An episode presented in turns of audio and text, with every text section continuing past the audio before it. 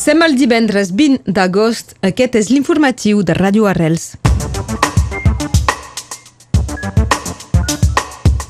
A l'Universitat Catalana d'Estiu ahir a Prada, Laura Borràs i Quim Torra van mostrar-se escèptics sobre la taula de diàleg entre els governs espanyol i català. La porta dels països catalans a Salses es prepara per l'Aplec 2021 que es farà demà dissabte.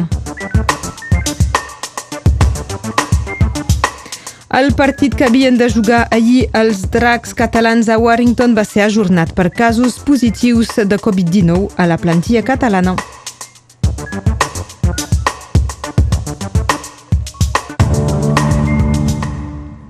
Ahir a Prada, en l'acte central de l'Universitat Catalana d'Estiu titulat Les institucions i Catalunya, es va parlar de la taula de diàleg entre els governs espanyol i català. La presidenta del Parlament de Catalunya, Laura Borràs, va mostrar el seu escepticisme, mentre que l'expresident de la Generalitat, Quim Torra, va afirmar que aquesta taula de diàleg no hauria d'existir. Escoltem una part de la seva intervenció. El govern espanyol format pel PSOE i Comuns, ens ho va repetir i ens ho va deixar claríssim. Mai, mai el govern espanyol no negociarà el dret d'autodeterminació de Catalunya. Però per què li ha d'anar bé a la taula catalana anar a una taula del diàleg ara? Però quina força té la, la, la, la part catalana per negociar res en aquests moments? Però si, a més a més, li hem regalat a l'Estat dos anys. Què pretenem treure d'aquesta taula del diàleg? És possible treure alguna cosa? Estem en una situació de més debilitat que mai, quan més força tenim, en canvi, a les urnes, perquè senzillament li hem ofert a l'Estat mm, dos anys gratis, diguem, en contra del que podia semblar-nos a tots que era el resultat electoral, que ens donava més força que mai. Llavors dius, home, si tu te'n vas a una taula per negociar un referèndum de Catalunya és una cosa, però per poder seure't en aquesta taula li has de dir a l'Estat o negociem el referèndum o proclamo la independència. És que és a dir, quines armes tenim? És que si no vol negociar el referèndum d'autodeterminació, nosaltres què farem? Crec que aquesta taula del diàleg doncs senzillament no s'hauria de produir, no estem en... Catalunya no està en condicions ara mateix de, de seure's una taula de diàleg, que no sap ni la seva metodologia, ni què es negociarà, ni si es va a negociar un referèndum de determinació o què es va a, negociar. Per, per anar-se a fer fotos cada tres mesos, doncs a mi sincerament no em sembla que en aquests moments l'independentisme això s'ho pugui, pugui permetre. Eren paraules del 131è president de la Generalitat, Quim Torra, ahir a l'acte central que es feia a l'Universitat Catalana d'Estiu. El programa d'avui de l'UC de Prada, l'acte del migdia s'intitula Universitat, País i Recuperació Democràtica. Hi participaran Gemma Geis, la consellera de Recerca i Universitat de la Generalitat de Catalunya, Oriol Amat, rector de l'Universitat Pompeu Fabra, Daniel Crespo, rector de l'Universitat Politècnica de Catalunya, Joan Guàrdia, rector de l'Universitat de Barcelona i Javier de la Fuente, rector de l'Universitat Autònoma de Barcelona. A les 5 d'aquesta tarda es tractarà de l'espoliació patrimonial del Museu de Lleida a càrrec de Joan Talarn, president de la Diputació Diputació de Lleida, Salvador Jiménez i Baix, bisbe de Lleida, Albert Velasco de l'Universitat de Lleida i Carme Berlabé del Museu de Lleida. El nombre de pacients hospitalitzats a Perpinyà amb Covid-19 és de 135, dels quals 26 es troben al servei de reanimació, unes xifres estables. En 24 hores, però, es lamenta la defunció de dues persones més amb Covid. El nombre total de víctimes a casa nostra és ara de 365 des de l'inici de l'epidèmia. Catalunya Nord es troba actualment amb una taxa d'incidència de 393 casos per 100.000 habitants. Per aquest dissabte hi ha una nova crida a manifestar-se contra l'ampliació del pas sanitari per part del govern als carrers de les principals ciutats de l'estat francès. Entre aquestes ciutats hi ha Perpinyà. Dimarts, la Generalitat eh, va rebaixar el nivell del límit d'incidència per poder declarar el toc de queda a les ciutats, passant de 250 casos per 100.000 habitants a 125. Aquest nou criteri ha estat anul·lat per la justícia que ha argumentat que respon més a criteris d'ordre públic que no pas sanitaris. S'acaba, doncs, el toc de queda nocturn a la majoria de municipis de Catalunya. Sols es manté en 19 municipis que es troben per sobre de 400 casos per 100.000 habitants.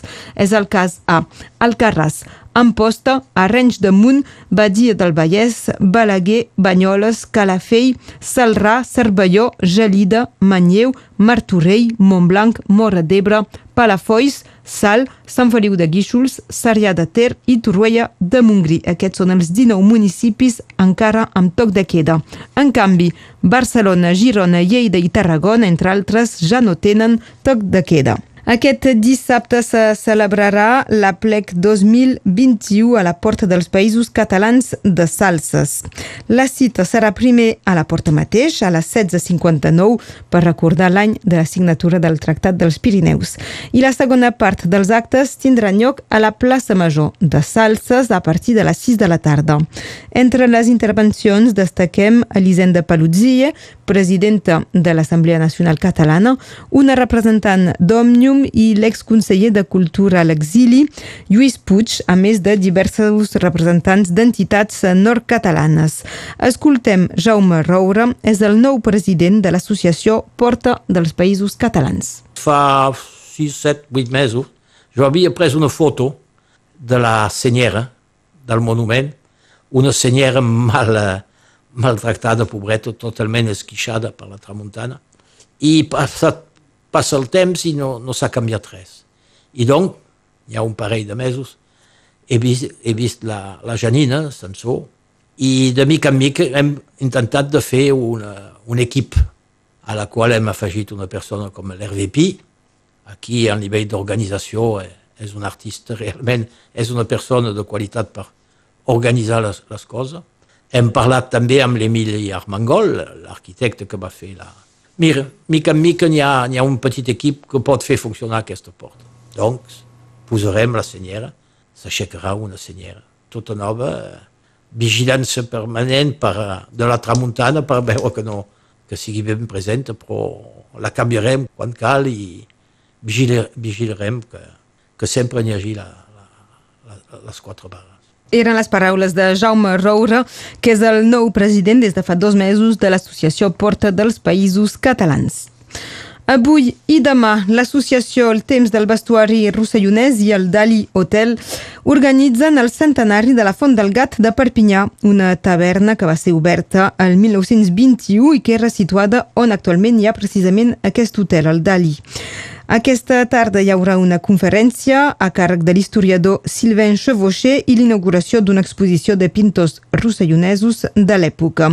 A les 6 de la tarda, sardanes i ball popular amb la cobla mil·lenària. Finalment, demà, dissabte, es proposarà una visita guiada de l'arquitectura Art Deco de Perpinyà amb el Philippe Lager. Passem als esports. En rugby a 13, els dracs catalans van detectar dimecres quatre casos positius de Covid-19 i allí dijous tres casos suplementaris que suposaven molts casos contactes dins de la plantilla. Poc després de la una del migdia, l'organització de la Superliga va decidir ajornar el partit previst per ahir mateix entre Warrington i els Dracs. La plantilla catalana queda aïllada fins a dilluns eh, per tornar a fer test i saber si podran o no jugar dijous que ve contra Salford. És el primer cas de positius al club català d'aquesta temporada que impedeixen un partit. Ara s'haurà de veure si la competició aconsegueix trobar dates eh, per fer disputar la vintena de partits que queden pendents en total. En rugby a 15, aquest vespre a les 8, l'USAP jugarà el seu segon i darrer partit amistós de pretemporada. El rival d'avui a Emi Giral serà Colomier. El top 14 debutarà el primer cap de setmana de setembre. En futbol, el Barça jugarà demà, dissabte, a les 10 de la nit, al camp de l'Atlètic de Bilbao, que és el, i serà la segona jornada de la Lliga. D'altra banda, tres jugadores del Barça han estat nominades com a finalistes a la millor futbolista de l'any de la UEFA. Es tracta d'Alexia Putelles, Jennifer Hermoso i Lika Martins. Aquest premi es lliurarà el 26 d'agost a Istanbul durant el sorteig de la fase de grups de la Lliga de Campions.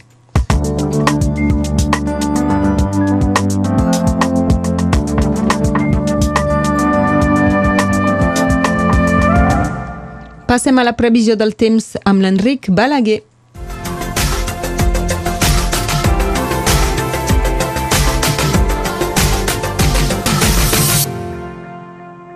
Tenim un dia que es pot considerar agradable amb una tramuntana fluixa al matí i un bonic cel blau. Cap a la tarda arriba vents de mar que s'enfilen per les valls de la Gli, de la Tet i del Tec i un mitjorn moderat cap al banc del Cap de Cervera no es pot descartar febles ruixats al Vallespí. Però un cop passat aquestes nuvolades s'instal·len de nou les clarianes abans que faci fosc. 24 a Formiguera, 27 a la Guingueta, 25 a Toès, 29 a Marqueixanes, Nefiac, Tuí i Perpinyà, 28 a Sant Andreu i a Cervera, 31 a Arles, 27 a Sant Llorenç de Cerdans i a Òpol, 30 a Cotgies de Fenolleda. Als països catalans tenim 29 a Figueres, on va néixer Salvador Dalí, 32 a Alcoi, on va néixer Antoni Miró, i 28 a Felanitx, on va néixer Miquel Barceló. El sol es pondrà al Palau dels Reis de Mallorca a 3 quarts de 9, 20 hores 45. Tal dia com avui, de l'any 1969, neix a Prada la primera universitat catalana d'estiu, llavors sota l'egidi del grup cultural de joventut catalana i del grup russionès d'estudis catalans. Mor el 19 d'agost de 1980 a Papeite, Jodassin, cantautor francès d'origen estatudinenc. Avui és Sant Bernat, Sant Bernat cura de febres i de mal de caps.